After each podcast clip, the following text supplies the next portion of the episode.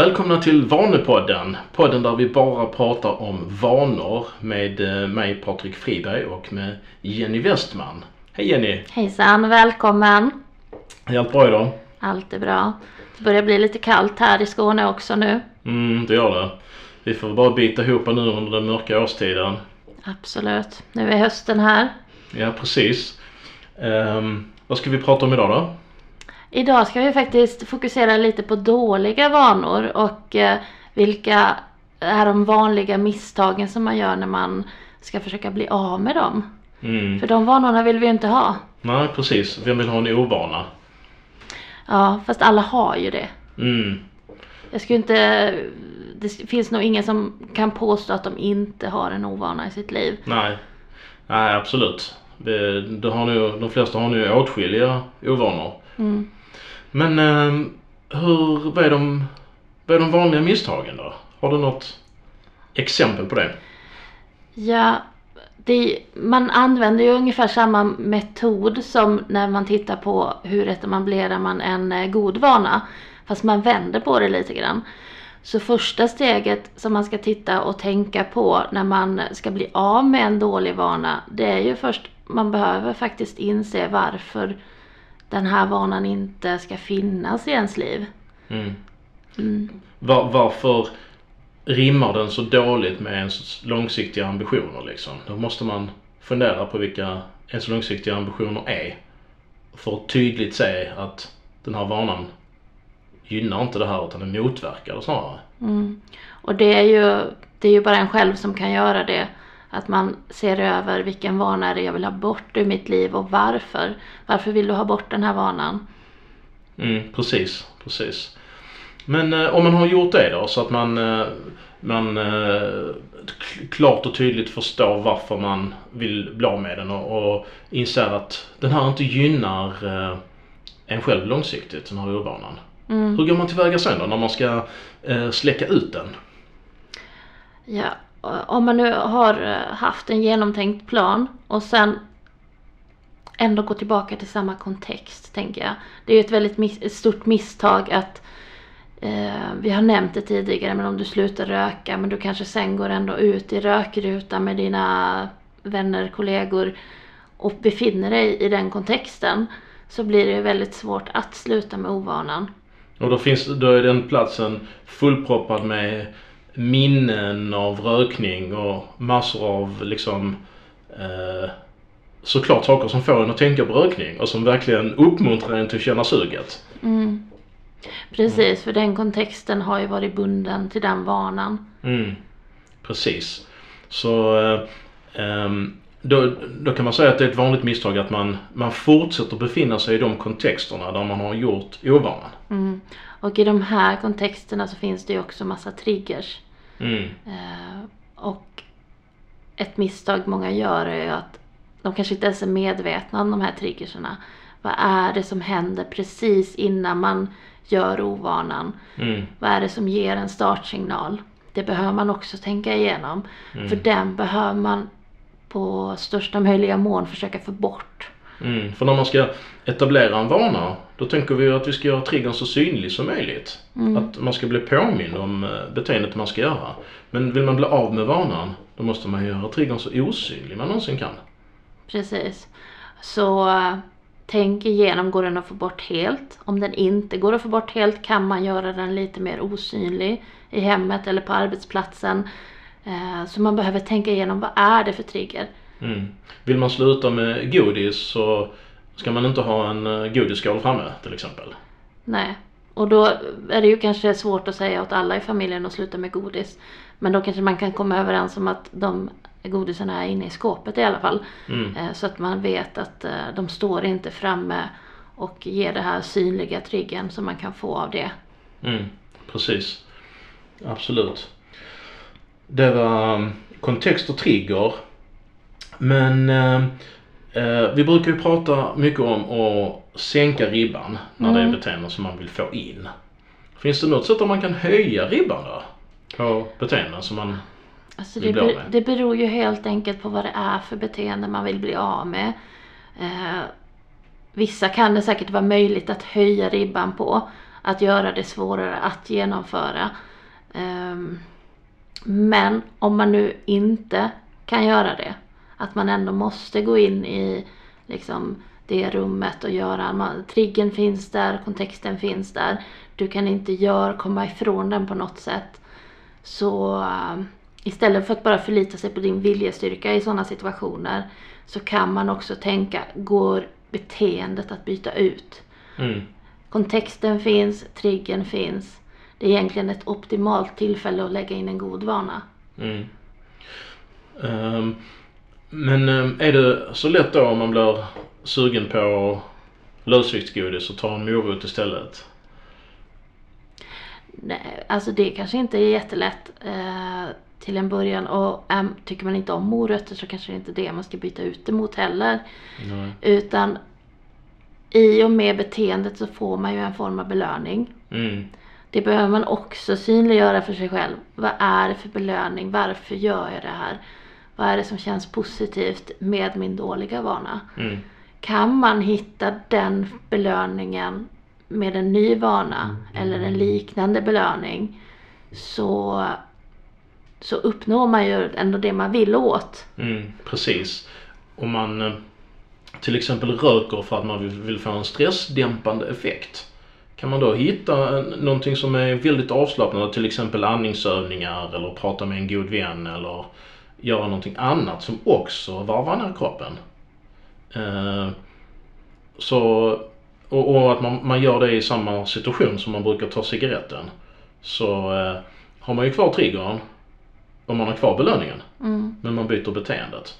Och i ett sånt tillfälle så kan man ju göra lite som du har pratat om att ta fram de här post-it-lapparna och, och personen som ska ta bort sitt dåliga beteende kanske kan skriva ner på vilka sätt brukar min stress minska lite grann. Mm. Vilket är lätt och vilket är effektivt. Och på så sätt också kunna komma fram till eh, ehm, vilket, vilken vana man kan lägga in istället. Mm. Precis. Sen, sen kanske det finns vissa situationer när det går att höja ribban som till exempel om man bor ute på landet och man inte köper hem godis så kanske man måste åka en mil till närmsta affär om man ska köpa hem det. Och då Mm. har man ju faktiskt höjt ribban jämfört Precis. med att det ligger hemma i skåpet. Mm. Så, nej men allt det är ju helt individuellt. Man, man kan tänka antingen höj ribban eller byt ut beteendet. Mm. Men det man inte ska göra och det som är ett misstag är ju att man tänker att ja men jag börjar på måndag igen. Men du förändrar ingenting. Nej. Du är i samma kontext, du har samma mönster, det är samma triggers. Du gör samma sak som du hade gjort måndagen innan. Mm.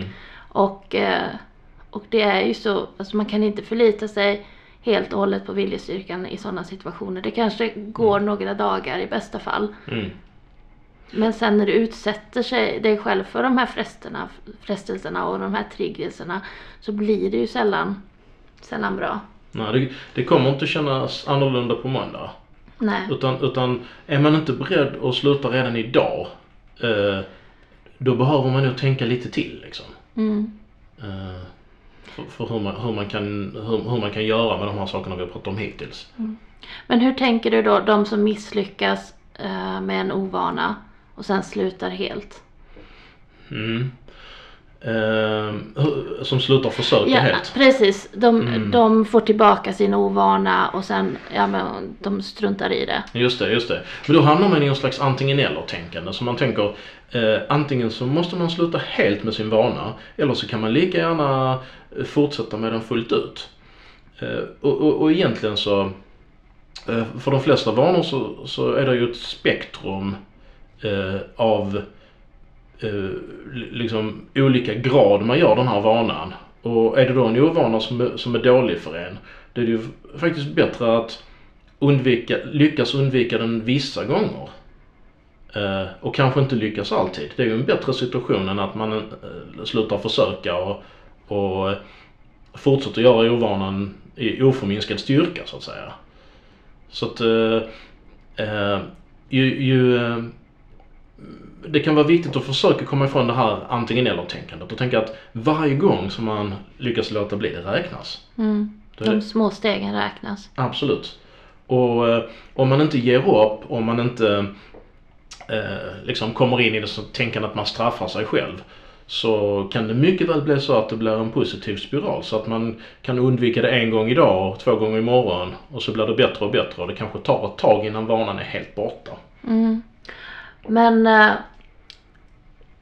tänker du att när man har en ovana och så ska man sluta med den. Tror du att det bara är en vana då eller kan det vara flera vanor faktiskt som ställer till det? Ja, Det, det kan ju vara, alltså, som vi har pratat om flera gånger så sitter ju ofta vanor ihop.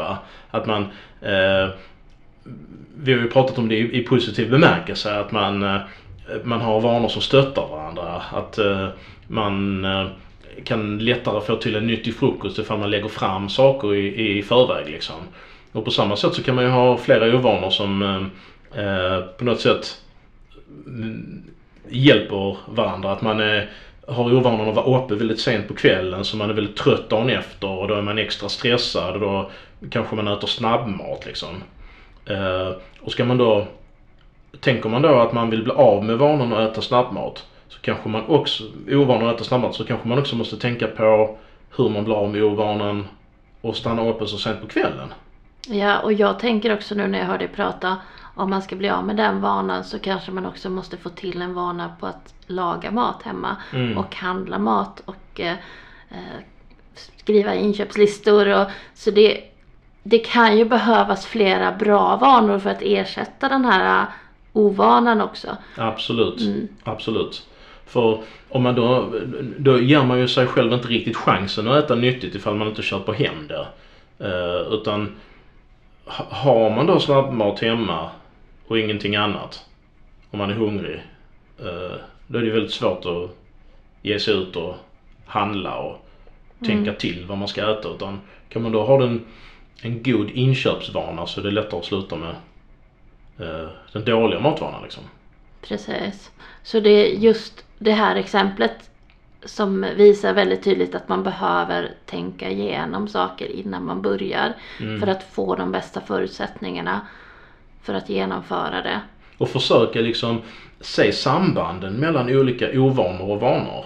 Att eh, eh, finns det någonting annat man gör som ökar risken att man fortsätter med en viss ovana. Mm. Eh, och så göra någonting åt den här risken också. Precis, för att som du sa maten, alltså att du äter snabbmat kan det egentligen handla om att du inte har bra vanor för att laga mat hemma. Mm. Mm. Så det kan ju vara en konsekvens av att saknas den vanan hemma. Mm, absolut, absolut. Men, men sen hör man ibland folk som, som säger att eh, de har eh, eh, att, det, att det liksom eh, är så starkt belönande med den här ovanan. Att det ger så mycket så att det är svårt att sluta. Ja, det beror ju också på vad det är för vana. Men jag tänker att om jag går till mig själv, de ovanorna som jag har. eh, Där tänker ju jag, det kanske är belönande i stunden. Men sen efteråt så är det inte alls belönande. Så att just den där inre belöningen man får i stunden, kan man hitta den på något annat sätt? Mm. För efteråt kanske man mår dåligt över att ja, men, man skulle inte ha ätit det där eller "Åh, jag gjorde någonting annat som man Mm. inte alls tycker om. Vi är ju väldigt kritiska mot oss själva. Mm, Och det brukar vi ju vara efter ovanor. Mm. Och, och jag menar, man kan ju tänka så att eh, det här exemplet vi hade att ersätta då godis med en morot till exempel. Mm. Eh, det låter nästan lite löjligt för att det är så stor skillnad mellan de här. Det, är liksom söt, sötman i en morot kan inte på långt när mäta sig med sötman i, i godis och den belönande effekten kanske inte alls är li, lika stor smakmässigt. Men känner man sig inte ganska duktig om man äter eh, en sallad istället för att äta någonting sött och högglykemiskt liksom? Ja, det gör man ju säkert. Alltså man känner ju sig säkert. Och då får man ju vara bra med den här positiva belöningen. För det Mm. är bra om beteendet. Att man verkligen ser till att den finns med, den inre belöningen där. Mm, och man försöker stä- eh, liksom uppmärksamma den så mycket som möjligt och, och eh, uppbringa så många positiva känslor som man någonsin kan liksom, när man gör det här eh, nya beteendet. Och, och, och i bästa fall då så, så kanske den sammanlagda belöningen faktiskt blir högre med det nya beteendet. Mm. Att det känns så pass bra liksom. Eh, sen är det ju inte fel att man faktiskt, alltså i det här exemplet kanske, kanske väljer de godaste nyttiga sakerna som man överhuvudtaget kan tänka sig. För att liksom kunna mäta sig med godis och sen dessutom känna de här eh, positiva känslorna så mycket man kan. Så kanske den sammanlagda belöningen är, av det nyttiga, nya beteendet är högre än det gamla, dåliga i ovana liksom. Mm. Absolut. Så att man får ju tänka igenom det där lite grann. Blir det inte alls av man har en morot, ja men då kanske man kan tänka, men kan man göra någon liten fruktsallad eller någonting. Eh, man får försöka hitta det som man tycker själv kanske är gott också som kan ge samma effekt, samma belöning, liknande belöning. Mm. Och det, det är ju eh, Även om man tar de mest liksom, högglykemiska frukterna så är de ändå bättre än sötsaker. Om man liksom äter mm, mango, banan, vindruvor eh, så kan det bli väldigt gott och ganska sött men ändå väldigt mycket bättre än att äta Mm. lösviktsgodis. Precis. Så eh, då, då kan det i alla fall vara ett delsteg liksom. Men eh, är man, eh, tycker du man, eh, brukar människor vara ärliga mot sig själv när det gäller att eh, liksom avgöra om man är redo för att ta itu med sina ovanor? Jag tror att man är nog väldigt medvetna om sina ovanor. Men att vara helt ärlig om vad de har för hälsoeffekter kanske och hur de påverkar en själv och ens långsiktiga mål. Det tror jag att folk har väldigt svårt att vara ärlig ehm, och kan tycka att det är väldigt jobbigt att ta tag i det. Att göra det synligt, att skriva ner det eller att prata om det. Då blir det väldigt liksom synligt. Från att man, man har vetat om det men om man inte tänker på det så jättemycket så, eh, så Mm. blir det liksom inte Man sopar det lite under mattan. Lite så. Man sopar Ja. det under mattan och tar inte tag i det. Man kanske också har en bortförklaring till varför man gör det. Mm. Att oh, jag behöver det för att jag är stressad eller eh, Men då är det egentligen det symptomet man istället kan Måste fokusera på kanske. Mm.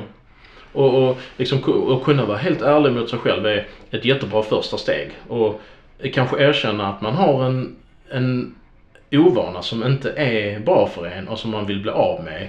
Men som är svår att bli av med. Mm.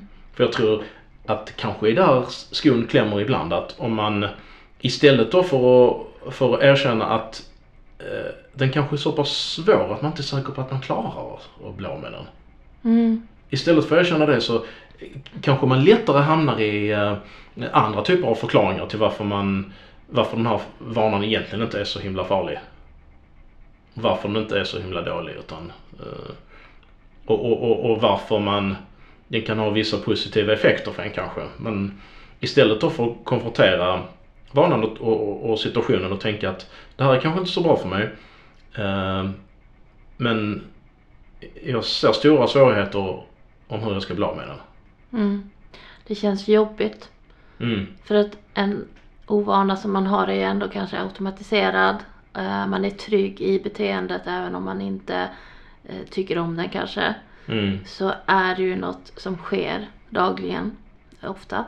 Och eh, när man ändrar på en vana så tar det ju lite tid och det tar energi.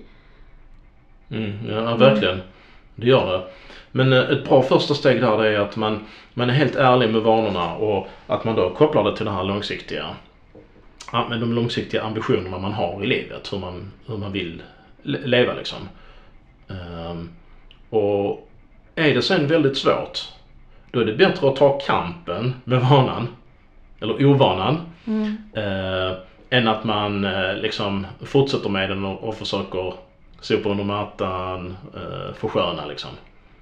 Men mycket handlar att man, man behöver bli medveten. Mm. Man behöver bli medveten om varför man har en ovana och varför man vill ha bort den. Eh, Man behöver vara ärlig med sig själv som du säger. Och man behöver synliggöra saker kring beteendet. Vad är det som sker? Vad är det för kontext och trigger? Och vilken situation är detta? Och vad ger det för känsla? Mm. Så mycket handlar om att man ska bli medveten. Mm, det gör det. Och också se de här sambanden mellan andra vanor och ovanor som man har. Mm. Eh, att i, ibland så kanske, eh, precis som det är med, med vanor, vi har pratat om vid något tillfälle att om man vill laga nyttig mat så kanske det viktigaste är att, att gå och handla så att maten kommer hem. Mm. För, för vissa har ganska lätt att laga nyttig mat när den väl finns hemma. Men Mm. om den inte finns hemma, då blir det inte av.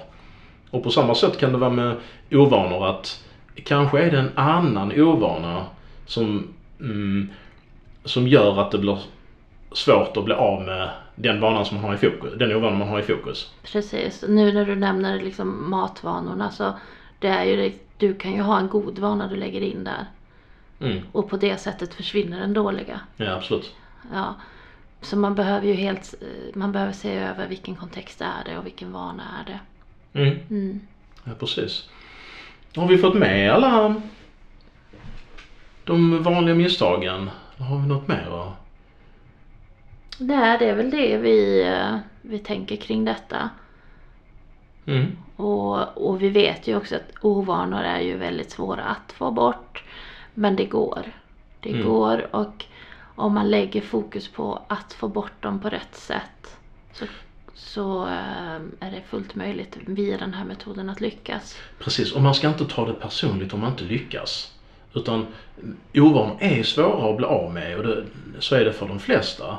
Och om man inte lyckas då betyder det bara att man, man eh, måste fortsätta försöka ur lite andra, med lite andra angreppspunkter. Att man eh, funderar vidare på eh, den här modellen vi har pratat om idag. Liksom. Tänka på eh, kan man ytterligare jobba med och inte hamna i kontexterna där som, som, som triggar en? Kan man göra själva liksom startsignalen för vanan, själva triggern, ännu mer osynlig?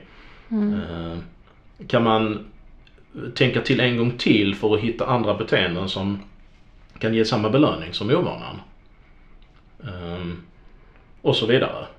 Att Mm. man hela tiden provar nya angreppspunkter om det första försöket inte fungerar. Liksom. Precis, så att inte vara så självkritisk och, och det handlar om liksom felsöka. Vilken annan väg kan man hitta till detta? Mm. Och ofta så har man ett antal bakslag innan man lyckas. Och de som lyckas, det är de som inte låter sig nedslås av bakslagen. Mm. Så... Eh, eh, med de orden kanske vi ska önska våra lyssnare en bra vecka. Mm, absolut. Ni får ha en jättebra vecka och så hörs vi igen nästa söndag. Det gör vi. Ha det bra allihopa. Ha det så bra. Hejdå! Hej då.